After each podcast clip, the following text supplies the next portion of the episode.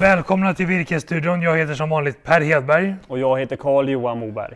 Och Virkesstudion görs precis som vanligt i samarbete med tidningen Skogen, den oberoende skogstidningen. Gå in och håll dig uppdaterad på skogen.se och prenumerera på papperstidningen Skogen. Hur har sommaren varit hittills då? Tack bara bra! Nej, men alltså, jag har ju försökt vara så mycket som möjligt ute i skog och mark och man känner Ja. ju nu när man kommit in i kontoret att man saknar ju den här, eh, de här stunderna som man är utomhus. Men det är lite kallt ute också tycker jag. Ja det är det ju och det kanske är bra för, eller det är ju bra för granbarkborren, kanske bromsas en del på grund av det här. Och sen samtidigt har vi mycket regn som gör att det, eller på bitvis mycket regn i alla fall, som gör att det får bra skjuts ute i skogen också.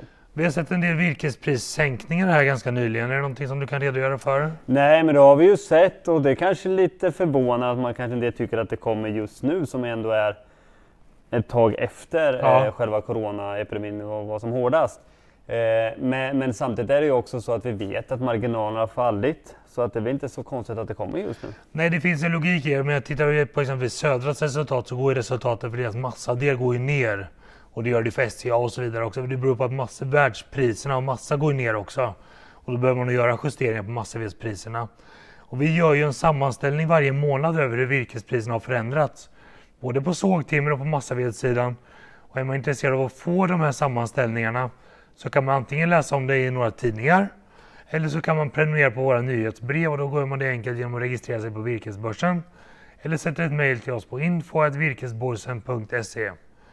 Så det är väl lite logiskt att man har sett en del sänkningar ändå utav virkespriserna tror jag. Ja men det är det. Samtidigt har vi vår tjänst som heter virkesprisindikatorn och den Ja. har ju vänt upp nu. Kan du förklara liksom hur det hänger ihop här? Jag tror att vändningen uppåt för virkesprisindikatorn det är en tydlig reaktion på att det gick så mycket neråt under coronakrisen.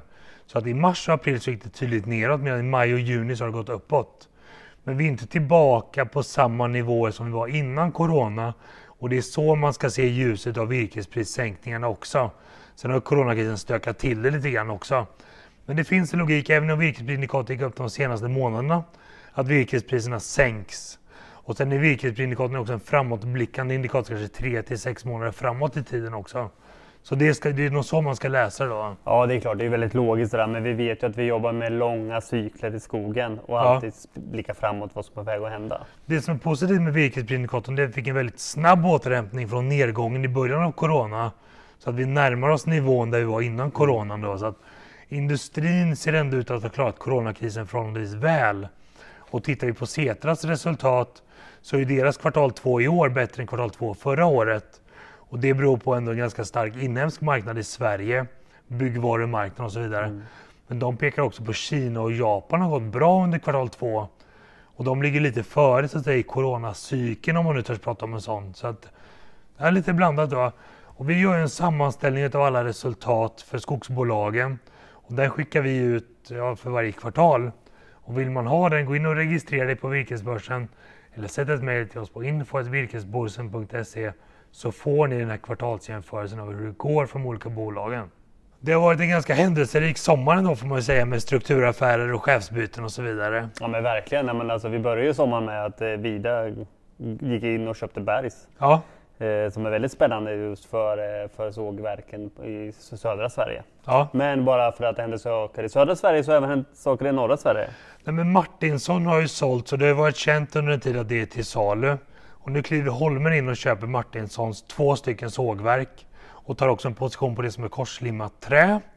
Och det gör att Holmen har totalt fem sågverk jämfört med för tio år sedan de har ett sågverk. Så här ser vi ett bolag som är under förändring får man ändå säga och på väg att bli ett annat typ av företag kanske. Då. Ja men verkligen och då kanske en nyhet att vi ser ju liksom att, att eh, pappersförbrukningen går neråt. Ja. Det är mycket väl att så det var har vi sett i, i prognoserna flera år tillbaka. Absolut. Men nu liksom att eh, just den här produkten med korslimmat träd är verkligen på frammarsch. Så här tar Ja. man ju snabba steg framåt. Om det. Så är det ju. Jag menar, Holmen som företag ligger ganska, har legat ganska tungt mot ny, alltså tidningspapper, tryckpapper och så vidare. Och det är en marknad som, som krymper successivt i takt med att vi blir mer digitala och läser tidningar och böcker mer digitalt. Då. Så att det är nog rimligt att man ompositionerar sitt företag lite grann också, det tror jag. Helt rätt. Och en annan spännande nyhet är ju att Billerud Korsnäs då, som är just stora på, också på kartong, att de har fått ny VD. Väldigt spännande och det här är en VD som kommer egentligen från en karriär på SCA, gamla SCA. Men kommer som mjukpappers-VD från ett kinesiskt bolag. Och det ska bli väldigt spännande att se vilken resa som Billerud Korsnäs ger sig in på under det nya ledarskapet. Så det kan vi nog se stora förändringar också tror jag. Mycket spännande att se. Ja. Vad har vi att se fram emot under hösten nu då? Det har varit en händelserik sommar men vad tror vi framåt? Nej men alltså jag tror ju att det kommer att bli väldigt intressant och rolig höst för Ja. vi som håller på med skog. Ja, men vi vet att många skogsägare har varit ute och varit aktiva, man har bra koll på sina skogar.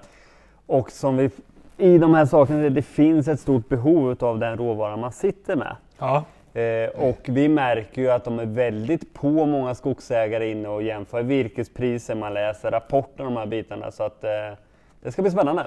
och här tycker jag verkligen man ska gå in på virkesbörsen, jämföra virkespriser. Vi gör en sammanställning varje månad över hur priserna förändras. Och man kan gå in och jämföra per kommun, per träslag och så vidare. Så att gå in på virkesbörsen och håll er uppdaterade omkring virkespriserna och hur de utvecklar sig också.